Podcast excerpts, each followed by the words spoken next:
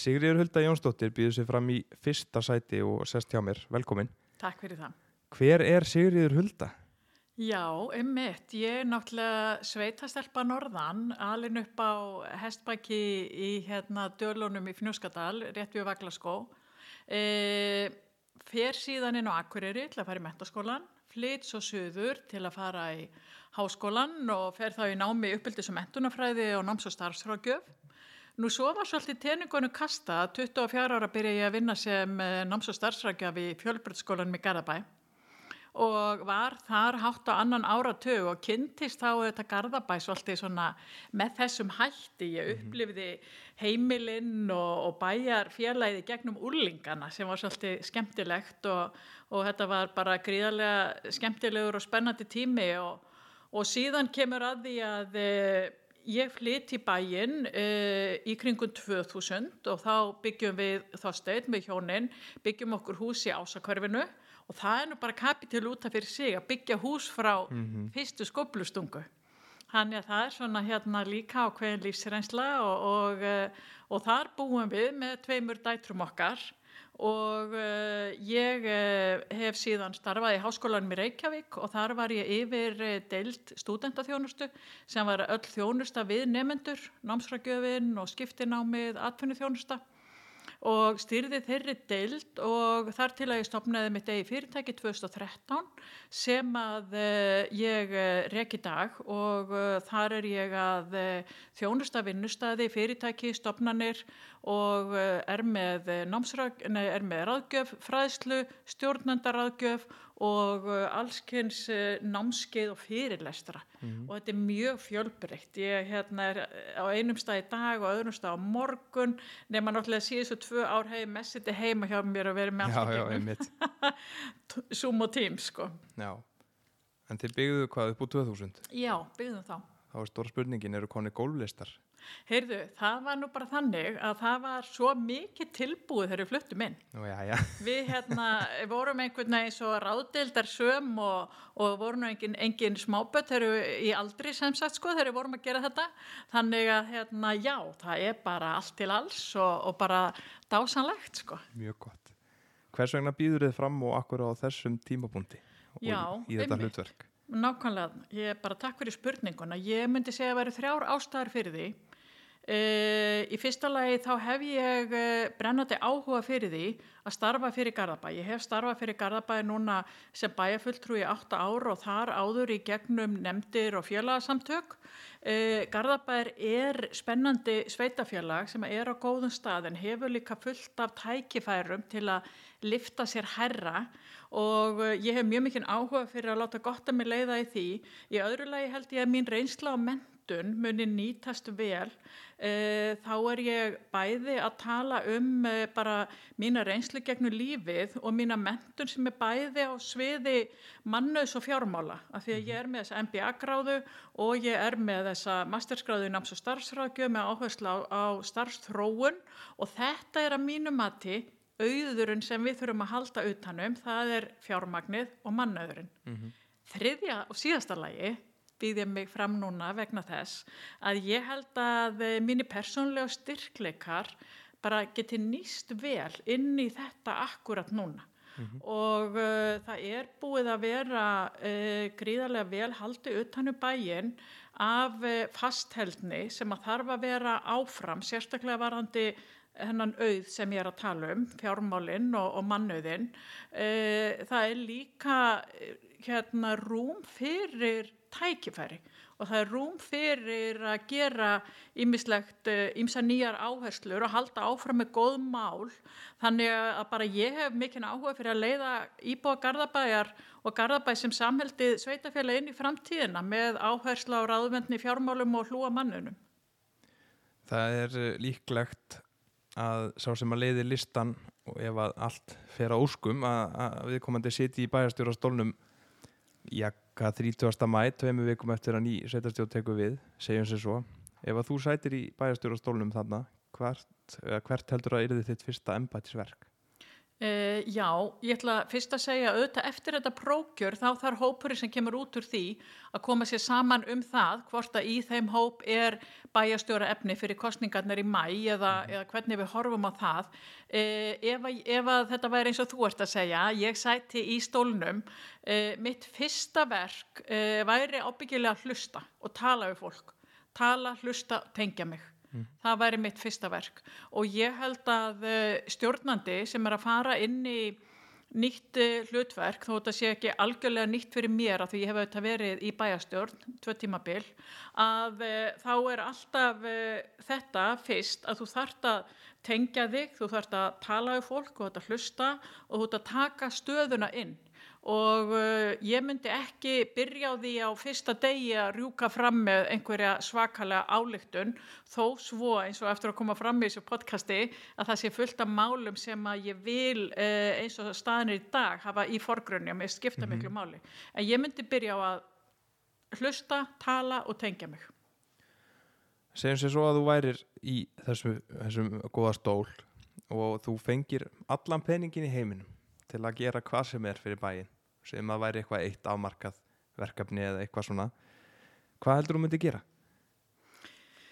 Já, þetta er nú bara svona eins og draumur svona spurningu.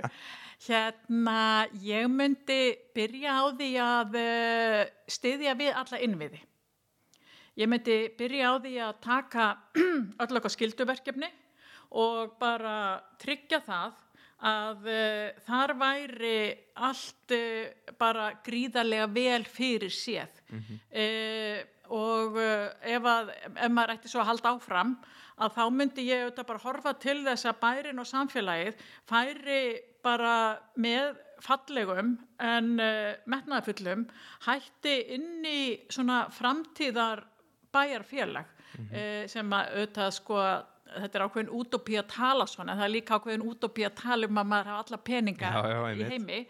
Og uh, þannig er ég að tala um að við séum að uh, bæði að sko nýta okkur tækni, við séum líka að horfa á mennskuna og við séum að, uh, að gera allt gríðarlega vel út frá nýjustu tækni mm -hmm. og líka velíðan íbúa og uh, það er nefnilega svo áhugavert að skoða það hvernig bara við manneskjarnir erum að þróast að við erum að þróast þannig að það er minni, minna svona, minni skuldbinding við erum stöttir tíma í hverjum vinnustad við erum uh, stöttir tíma í hjónabandinu við erum stöttir tíma í búsetu í sama húsi mm -hmm. þannig að það er svona minni skuldbinding en á sama stað er sama tíma er öryggi okkur svo mikilvægt Já. og þess vegna myndi ég segja að það vera allir peningar heims að þá það maður að bæði að sko leggja grunnaði að fara inn í tæknina en maður það líka hugsa um mennskuna, öryggið og þessa festu. Því að það er það sem er okkar kjarna svona þörf. Mm -hmm. Við snúum okkur að þessa málaflokkum og byrjum á hérna, tekjuöflun sveitafélaga nú er staðan bara þannig að, að verkefnunum fjölgar og það er fleiri og fleiri málaflokkar sem að svona lendi fangin á sveitafélagum með þannig að segja og ekki endilega þannig að það fylgir þeim fjármagn. Og ég meina íbúanum fjölgar. Hvernig getur við haldið áfram og bætt þjónustuna án þess að hækka til dæmis álugur á íbúana? Mm -hmm. uh, einmitt, mjög góð spurning. Að uh, það eru nokkrir þættir, í fyrsta lagi er það auðvitað að vera alltaf á tánum með að horfa hægraðingu í rekstrinum og uh, við þurfum að finna stöðut að vera að leita leiða til að auka skilvirkni og hagraðingu og þarna hef ég líka trúa á snjallvæðingin muni stiðja við okkur. Að við sjáum að ímislegt sem að var svona meira vafstur í kringum áður að það er orðið einfaldara með tækninni. Og sveitafélagin eru á þessari vegferð eins og aðrir og þetta væri kannski eitt af því sem maður myndi spíti að maður hefði alla peninga heims. En ég held að þarna sé ákveðin möguleiki og svo er það líka þetta að gleima sér ekki í því að það er gríðarlega ábyrð fólkin í því að vera sísla með fjármunni íbúa. Mm -hmm. og uh, að maður þarf alltaf að hafa þessa festu og þessa hagraðingar kröfu á sjálfan sig og reksturinn. Öðru lagi þá er náttúrulega þessi umræða þetta, inn að gæsaleppa hjónaband, hérna, passa kannski ekki að því að ég var að segja að við varum stuttir í tími hjónabandi, til að tala um hjónaband sko sveitafjalla á ríkis, mm -hmm. að, hérna, að þar er eh, kannski svolítil tókstreita oft og uh, við höfum náttúrulega sem talandi sem sveitastjórna maður að þá höfum við oft upplifað þetta að uh, ríkja er að færa verkefni til sveitafélagana og gerir einhverja ákveðna greiningu á fjármænum sem eiga að fylgja en uh, það nægir ekki fyrir þeirri þjónustu sem sveitafélagin er að veita. Og það er líka svolítið eðlið þjónustu þegar hún fer í nær samfélagið þá ertu nær þjónustu þeganum skilu betur þarfinnar samtali verður meira og þess vegna verður þjónustan í rauninni betri eins og við viljum hafa hana en þá líka oft dýrari en þarna þarf að gæta hagsmuna garðabæjar og að vera í þessu samtali og þetta tengist auðvitað líka inn í jöfn, jöfnunarsjóðin og hvernig, eh, hvernig þar er, er ráðstafa, maður þarf að vera tánu með þetta. Nú svo ætla ég að lokum að nefna fjármakstekjuskattin Já. sem að náttúrulega rennur til ríkisins og, uh, og þetta er eitthvað sem að mér finnst að eigi að skoða að uh, hugsanlega býr fólk í Garðabæ sem er jável að borga nokkuð háan fjármakstekjuskatt uh, vildi kannski borgan frekar til bæjarfélagsins þar sem það er mjög líklega að nýta sér þjónustu Veist, er kannski með börn í skólakerfinu og er að nýta sér ímsa þjónustu bæjarins en borgar þennan skatt til ríkisins. Þannig að, að þetta finnst mér líka að við þurfum að, að hérna, þetta þurfa að ræða í samfélaginu. En það er alveg klárt að forsvarsum með sveitafélaga eiga gæta fjárhæslega hagsmuna sveitafélagsins og, og það er alle, þessar leiðir. Og ég er mjög á þeirri línu eins og þú nefndir að við viljum lækka álögur á íbúa og við viljum ekki íþingja íbúum með álögum. Þannig að stefnan er að lækka álögur en frekar en veita samt framúrskarandi þjónustu. Og það er náttúrulega til dæmis þessar leiðir sem ég er að nefna. Mm Ef við skoðum aðeins til dæmis förum í leikskólamálin. Nú hafa þau verið svolítið umræðinni og, og hér höfum við lendi kannski, lendum í smá svona, við kallaði eftirspurnavanda sem var nú listur hratt og öruglega með, með húsnæði en þá er vandin orðið mönnun. Og það er ekkit bara einskorðast ekki við Garðabæ, menn þetta virðist vera allstaðar og Reykjavík til dæmis hefur lendið miklu vandræði með þetta. Hvernig tökumst þið á við svona mönnunavanda hvað þurfum við að gera til þess að þetta sé í lægi og til þess að við náum í fólk? Uh, stuttasvarið er við þurfum að verða það sveitafélag sem er eftirsókn að verðast að starfa hjá og hvernig gerum við það? Við gerum það með því að eh, eins og ég sagði áðan að það er tvennskonar auður í mínum huga, það er fjármagni og það er mannauðurinn. Og við þurfum í vinnustæðamenningunni og við þurfum í því hvernig við hugsaum um fólk og hvernig aðbúna við erum að bjóða fólki. Og jável samvinnu á milli leikskóla, tækifæri til að menta sig, tækifæri til að vinna í mist þróunarstarf og uh, jável að endur hugsa uh, gæða gæslu og fagulegt starf leikskólana uh, og einhvern sveigjanleika, við þurfum að skoða þessa þætti. Og þetta væri nú eitt af því fyrsta sem ég myndi gera þegar ég væri búin að hlusta og, hérna, og tala og tengja mig og ég sagði á það þegar ég myndi verið þessu embætti. Að vinna þetta með leikskóla umhverfinu og, uh, og finna hvernig við getum gert það. Og ég hef talað við ímsa leikskóla stjóra, ég hef verið með skólamálinn þó ég sé formað grunnskólanemdar en uh, ég hef starfað fyrir öll skólastegi gegnum uh, mína starfsæfi og skólaumhverfið er auðvitað stæðsta verkefni sveitafélagana þannig að það er fjárfrekasti málaflokkurinn. Og þannig er öll ungmennin að fara í gegn og við höfum lagt áherslu á þetta að, að taka börnin um einsásaldurinn og, og hérna, taka henn oftar en einu svona ári og uh, viljum vera í farabróti í þessu málaflokk. Og þarna er bara tækifæri, ég horfa á þetta sem tækifæri.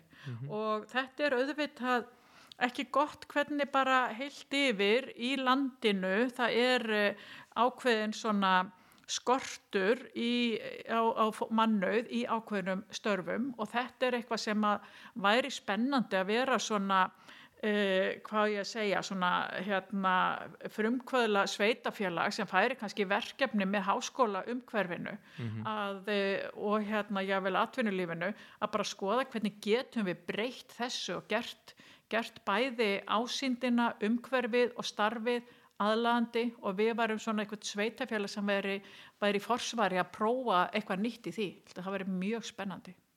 Þannig að við snúum okkur alveg á hinn endan á líðfræðilega skalanum og, og tölum aðeins um eldri íbúana. Mm -hmm.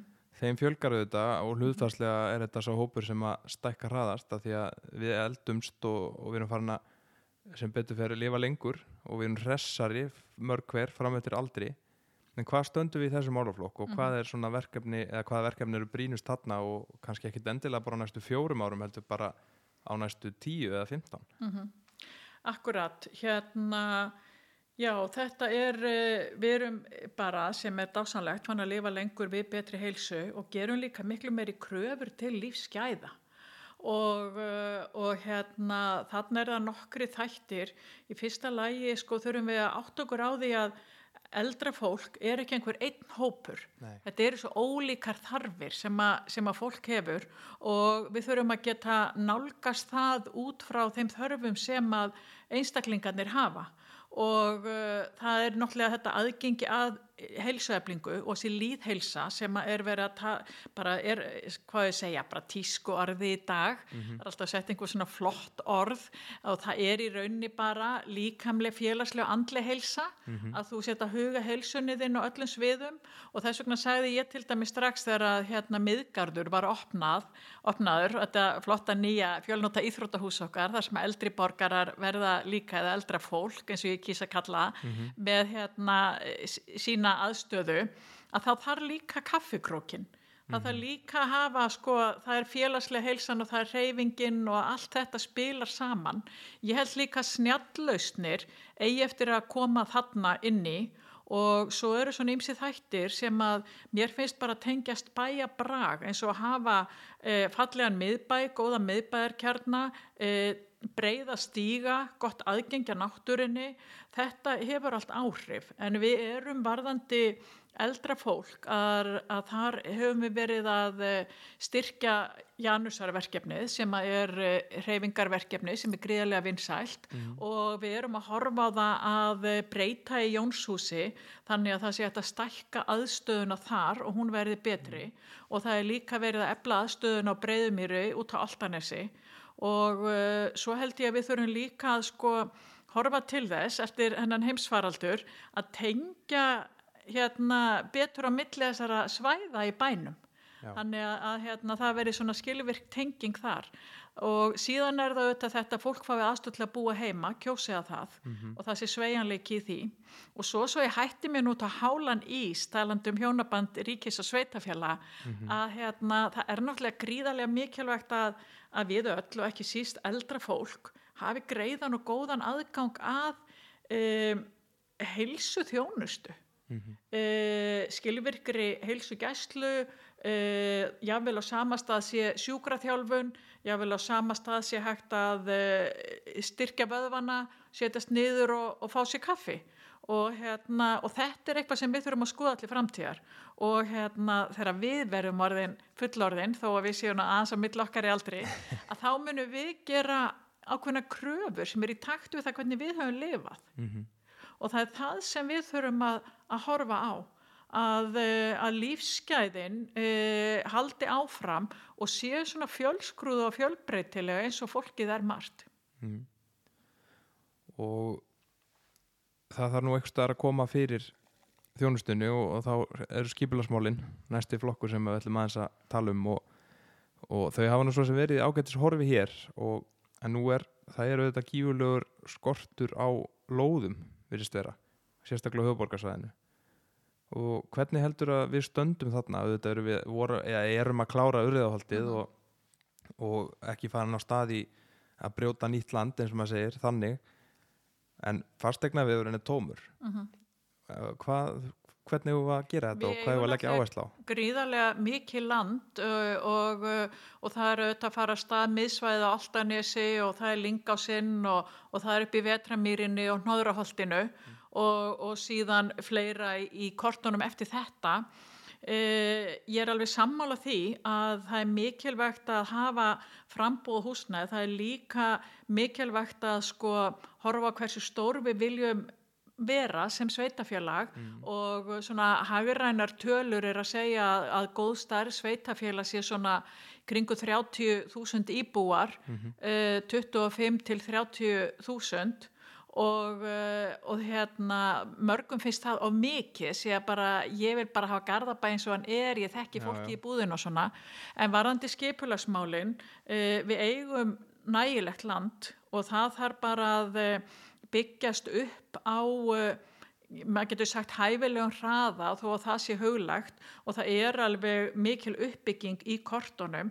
Við höfum líka verið að leggja áherslu á það að eh, byggja smerri íbúði líka sem eru þá ekki með bílakjallara og, og jável þannig gerðar að það þurfi ekki alltaf að vera að lifta samkvæmt byggingareglu gerðum til að það sé ódýrari fyrir ungt fólk. Já. Mér finnst það mikilvægt að ungt fólk geti horta að kaupa sína fyrstu íbúði í Garðabæ.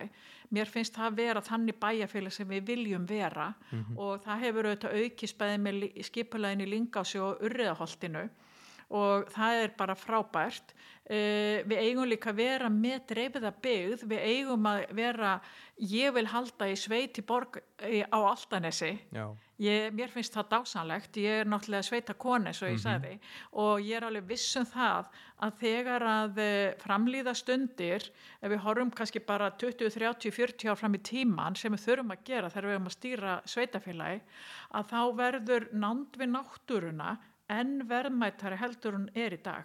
já, Og ég segi stundum sko að maður horfir bara til New York, Manhattan, íbúar þar, e, þeir hald, eða hérna, eh, þeir sem haldur stjórnutömmunar réttar að sagt, þeir gera það fyrir íbúa þeir halda mjög fastri verndarhönd yfir Central Park. Já, og það er vegna þess að íbúar segja þetta býr svo miklu leiti til gæðin.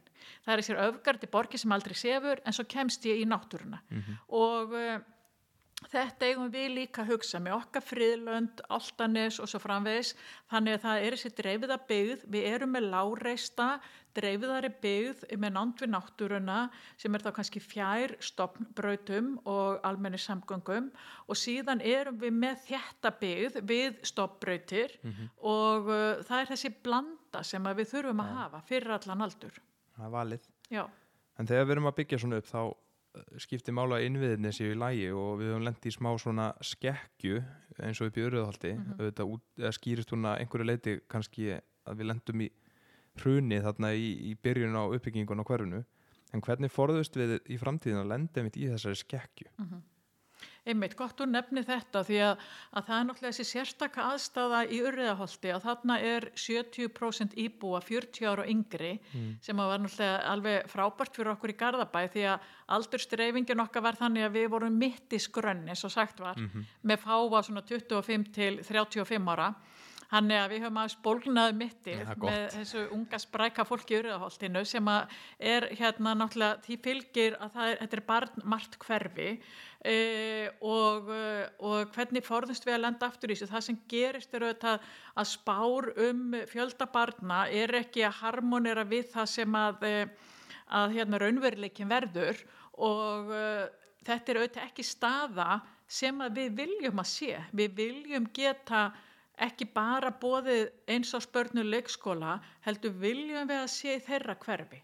Og þarna gerist það að við, reistur hérna, ungbarnarleikskóli Mánakvoll á Vívilstöðum og sem er að taka og það er líka fleiri leikskóla sem er möguleik að fara á, uh, sem er auðvitað gott, en þetta er samt ekki nákvæmlega eins og þú vilt hafa. Þú vilt að barninu bjóðist pláss í hverfinu.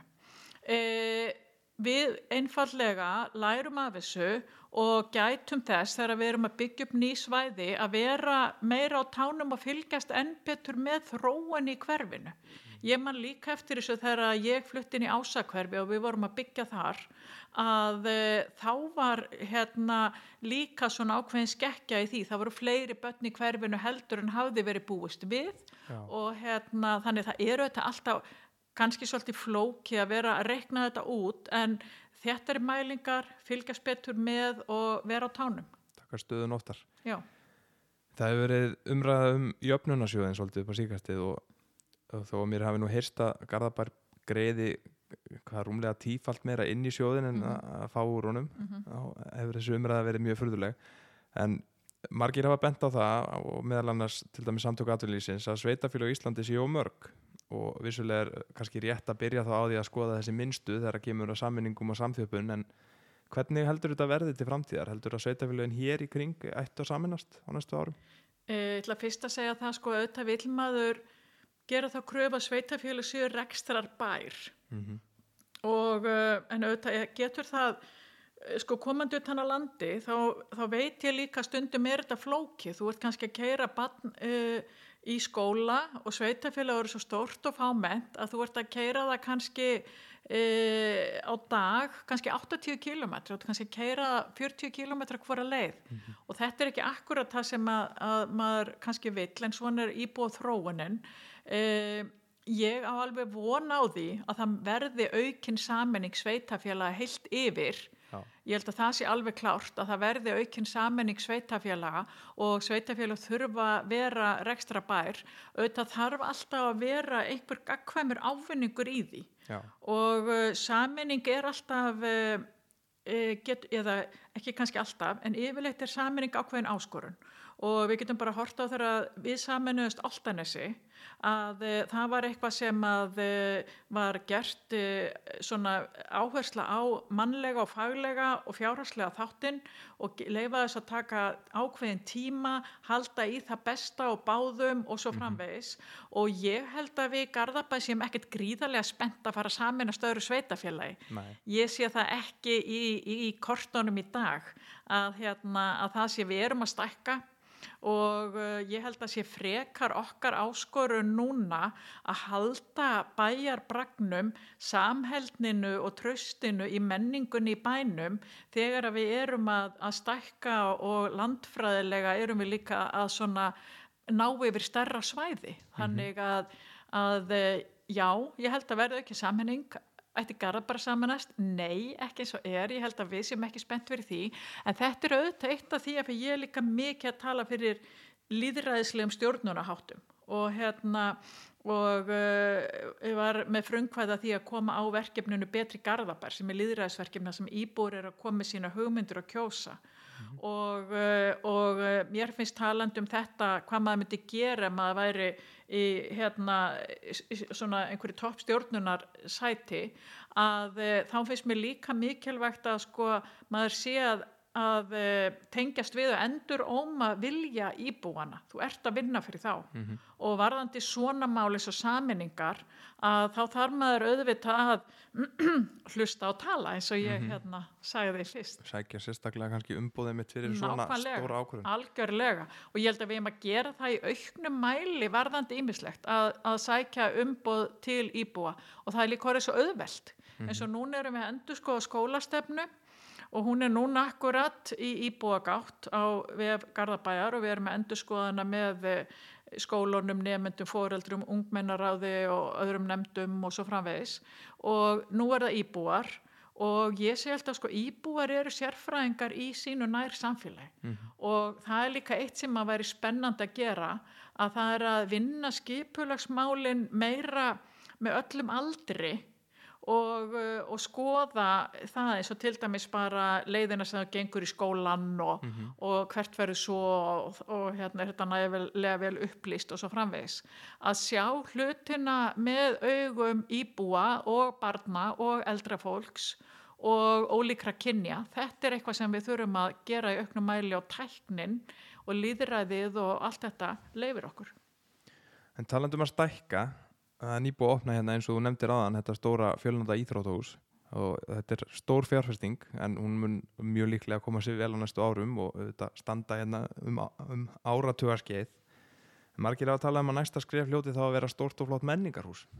Ertu sammála því mati og hvernig sæði þú fyrir þér þannig hús, staðsendinguna, starfseminna?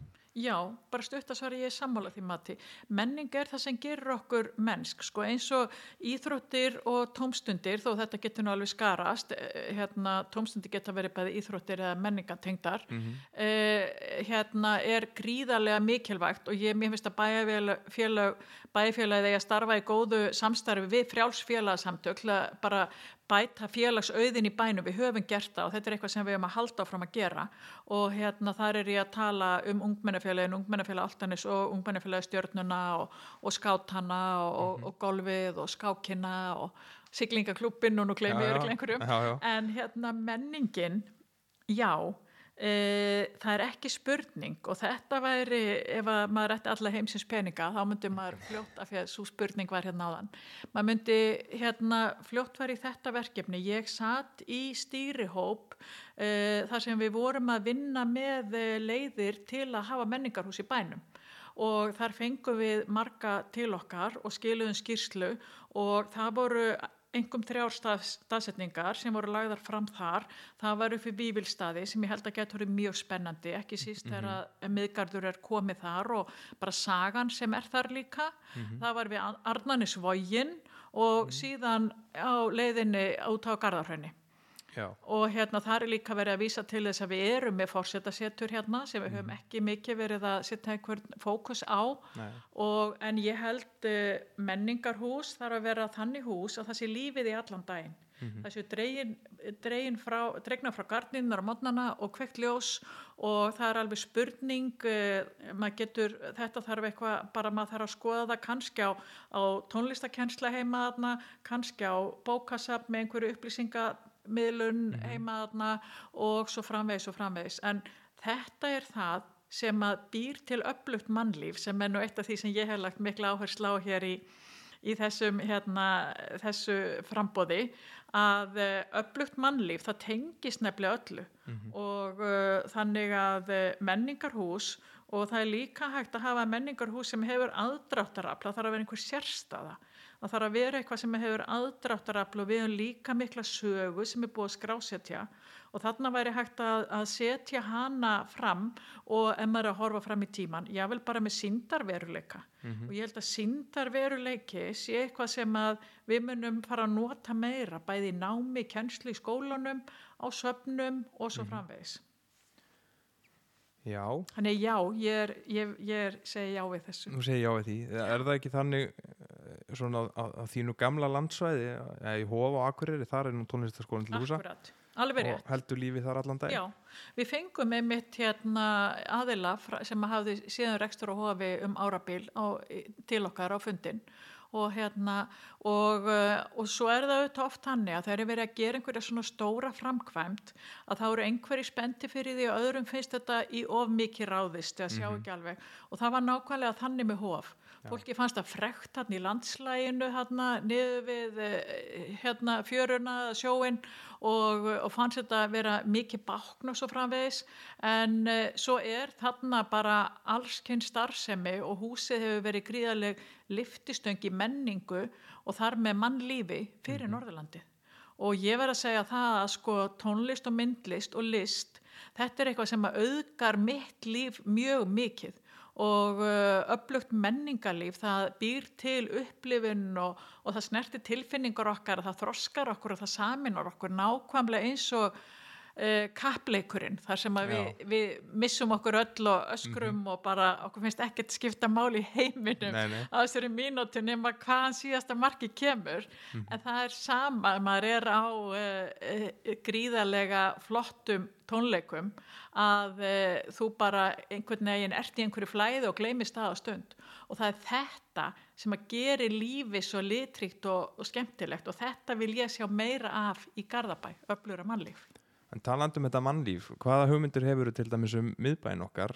hérna, Garðatorkið og líka bara þess að hverfa kjarna. Við erum að sjá byggjast upp í Öruðholti, það eru konið tveir veitingastæðir og jógastúdíu og verslanir mm. og út á Altanes eru við með Altanes kaffi og eigum öruglega vona á meiri starfsemi þar núna þegar það þjættist aðeins miðbærin hjá þeim eða svona miðsvæð. Hvernig heldur að framtíðin sé í bæði þessum kjörnum og ekki síst á Garðatorki og framaldi hér? Ég held bara framtíð sé þar sko. ég er nú ert að spyrja mig um eitthvað sem að ég hef verið eh, gríðarlega áhuga sem fyrir í, í nokkuð langan tíma og uh, það er bara algjörlega tímabært og mínum að var það tímabært fyrir svo allir síðan auðvitað er Galatorg hefum ekki tóra fram hjá því að Garðardök hefur breyst mjög mikið á síðustu árum mm -hmm. það hefur byggst upp og það er, eh, hefur mikið aðdráttarafl og er orðið spennandi kjarni á höfuborgarsvæðinu uh, skipulagið er í grunninn flott og getur búið til svona ákveðin ring og við erum með þessi tvö yfirbyggðu svæði hérna, göngugötun og svo kölluðu og svo ringsvæði hérna fyrir framann bæjastjórnarsalinn og uh, að mínu mati þá er það algjört forgansverkefni núna að uh, bara klára Garðatorg, ef maður getur sagt sem svo og uh, ég, þetta þarf auðvitað að gera í samvinnu við hagsmuna aðila á torginu. Og einleið væri til dæmis að fara í hugmyndasamkeppni og, uh, og taka torgi bæði þá sem sagt ég er ekki að tala um sem neitt að fara að breyta nýja hlutanum að sem matúsiðar og það Nei, en þetta nei, nei. þarf alltaf að harmonera saman. Það þarf alltaf að tengjast saman. Og uh, sumum finnst uh, vanta bílastæði menn aðri segja uh, það er alltaf mikið að bílastæðum ofanjarðar, þarna ætti að vera gósbrunur og grænt svæði. Og uh, þetta þarf bara að skoða með færustu hönnuðum með eh, ámóta kjörn, miðbæjar kjörnum erlendis og með hagsmuna aðlum hérna á torginu með bæjabúum og ég sé hérna fyrir mér sko e, þó að það geti breyst í svona vinnu en það sem maður svona sér fyrir sér og hefur heyrt að það er svona þessi upplifun að það eru kannski minni þjónustu aðilar, það er kannski matallar upplifun, fólk getur þetta hefur aðdráttarafl fyrir, þú veist barnið getur við, er að, er, það er eitthvað sem að það e, hefur áhuga fyrir að gera, menn að fólk situr og fær sér kaffi, er með tölvuna sín er að vinna eða, eða öll fjölskyldan er saman. Og þannig líka e, fegurun og menning og, og allir þessi þættir.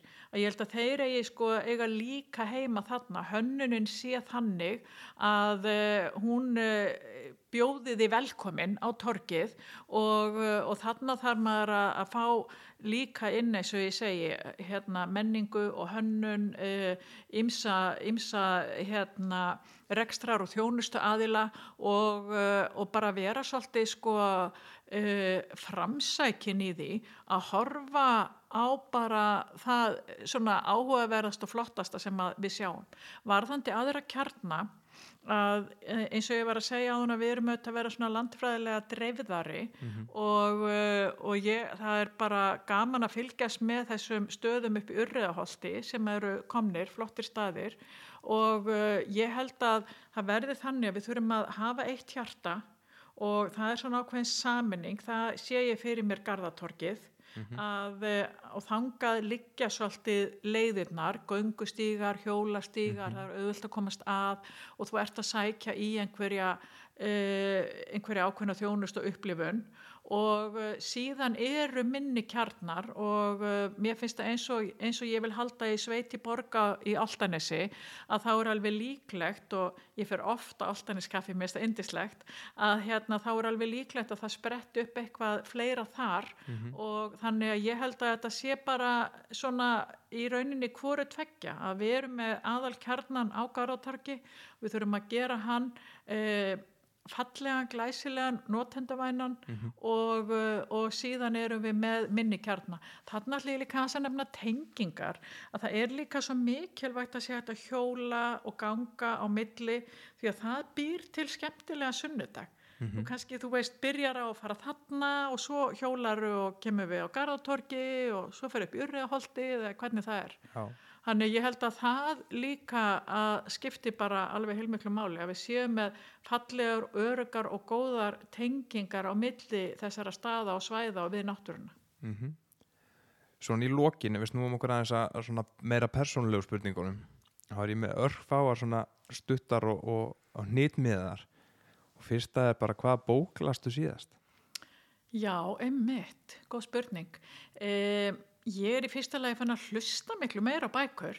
Ég veit ekki hvort að þetta er sko hérna, hvort þetta er það sko að maður er alltaf einhvern veginn svolítið í því að multitaska sem ég segi samt á námskeiðunum mínum að sé bráð óholt Já, og streytuvaldandi og hérna geti tæmt mann. En uh, ég uh, var að hlusta á Sigri Hagalín og uh, ég, mér finnst dásanlegt að detta inn í heim bókana ég hlusta líka mjög mikið á tónlist og ég er með marga playlista á Spotify. Já, og hérna ég ákvað það þegar ég var 50 að ég ætlaði ekki að verða einhver risa eðla í tækninni. Þú sé ekki ef góð eins og þú torfi að hérna að þá eh, tónlist gefur mér mjög mikið. Mm. og ég vel tónlist eftir tilefninu. Eh, ég hugleiði líka, ég hugleiði daglega, þannig ég með eh, tvö hugleiðslu upp í símanum mínum og uh, það hefur, það er nákvæmlega bara eins og að fara í ræktina, þú veist, þú getur lift uh, þingri lóðum ef þú ert að taka hendur aftur og aftur, Já, já. uh, þú getur haft betri fókus, betri yfirvegun, betri sín, betri stjórn á þér með því að, að hugleiða. Þannig að, hérna, já, þetta allt í bland. Þetta er svona okkar- andlega leikfimin. Þetta er andlega leikum, Já. nákvæmlega. En hvað er þinn svona, svo við slettum, happy place? Já, uh, það er náttúrulega sko mitt happy place, það er uh, bara svolítið að kuldrast í sófanum með fjölskyldunum minni Mm. og það hefur mig gert svolítið mikið af í COVID-inu og ég ákvað það því þá var stað þannig að það voru allir bara fást við sitt heima og ég hugsaði að nú er bara best að minningin eftir COVID-ið og þessu heimili verði samver og notalegheit en ekki e, einhver streitaða pyrringur Nei. þannig að mér líður mitt happy place er þar. E, ég verð samt líka segja náttúran. Það getur verið upp á fjalli. Það er alveg geggjað. Og ég er alveg orðin, ég er fallin fyrir e, fjallgöngum. Já, og hérna, mér finnst það bara svo magnað og það er einhvern veginn þannig að þegar að þú ert út í náttúrunni þá ertu bara í einhverju algleimi þú ert bara með þér og þínum hugsunum og uh, þú ert kannski að ég, ég hef verið í þeim aðstæðum að ég er í bara miklum snjó og erfið veðri að ganga á fjall og ég veit bara ekki hvernig ég ætla að komast alla leið en ég tek það bara skref fyrir skref og það er nefnilega, þetta kennir manni svo margt um lífið að þú veist ekkit alveg hvernig þú ætlar að fara þarna en þú tekur það bara skref fyrir skref þannig að það, þetta er líka svona minn hamingju staður myndi ég að segja æðruleysið. já, Segjum sem svo að það væri frídagur og ekkit á dagatalinu. Hvar myndum við finna þig? Upp á fjalli? Ég myndi byrja á því að nostra eins við fjölskylduna mína. Ég myndi byrja á að eh, gera einhvern flottan brönns og eitthvað þannig hugulegt. En það geti verið að þá er ég búin að fara upp á fjall. Sko. Af því að hérna, svona, þegar allir eru með frídag, þá er unga kynnslóðin ekkert að þeitast fram úr sko, á mínu heimili klukkan nýju eða eitthvað þannig. Nei. Þannig að, að hérna, ég væri kannski bara svona um morgunin að taka til teð í brúsan og, og græja allt og gera og, og flatkökurnar og mjög, ég er mjög hefbundin í nesti Mm. og, hérna, og væri búin að fara upp á fjall, kemur svo við í bakarín og kemur heim. Það, bara, það er bara dásanlega fullkomin dagur. Fullkomin byrjun allavega. Já. En hvað fær Sigriður Huldar sér í bræðarefin? Já, nákvæmlega. Bragðar hefur verið mjög vinsall á mínu heimili og sá sem að nennir út á kvöldin að sækja bragðarif á línuna, hann fær mikið. Já, ég, ég fæ mér snickers, það er ekki spurning, það er alltaf snickers, svo eru einhver ber og uh, svo er það kannski bara líka dæm, bara hafa þetta svolítið sætt. Já. Og huppa náttúrulega, mæli með huppu hérna á Garðatorki Mm. og ísbúðinni. Já, má ekki gleyma Má ekki sófus, sko. gleyma, nei, hann er náttúrulega frumkvöðlinn og aðal, aðal búðinn. Algjörlega. En svona loka spurningin, hver er uppból söngleikurinn? Já, ég þarf ekki að hugsa mig lengi um með þetta. Sko, það er náttúrulega ABBA. Ég hérna var bara rúmlega tíu ára þegar ABBA vann í Eurovision og uh, ég bara, ég vildi bara vera Agneta, sko, þetta var ekki flóknar. Þannig að hérna ég á náttúrulega með á ABBA í hörpu og svona, en uh, já, ég myndi segja að það væri bara uppból söngleikur minn, uh, sem sagt bara það er náttúrulega búið að gera ymsa söngleiki með ABBA. Og ég hef farið á fleiri en eitt sko, ég hef farið bæði í London og, og hérna í New York á ABBA söngleiki og svo ég miða í hörpuna núna, það er bara eitthvað ABBA sjó. En ég held að sé sko, það er einhvern veginn eh, krafturinn, eh, dýftin, eh, ólíklaugin, lífsgleðin og þetta bara einhvern veginn að liftast upp úr stólnum, ég elska að dansa og vera í þess að taka inn tónlistina, vera að hreyfa sig. Og það er þessi, þetta flæði, þessi núvitund sem þú ert í. Og þetta gefur líka svo mikið kraft. Og allt sem gefur manni gleði, það gefur manni kraft því það er svo mikil orka í gleðinni, það er bæði þessi stóra orka sem að tekur pláss og, og er frumkvöla orkan og sköpunin og, og, og lífsgæðin og svo er það líka þessi hóværa hljóðláta gleði sem að gerir mann svona rólegan og maður geti kvilt í sér og haft ákveðna yfirvegun og ánægu. Þannig að mæli með ABBA. Sirius Hulda, takk kærlega fyrir komuna Sumleðis.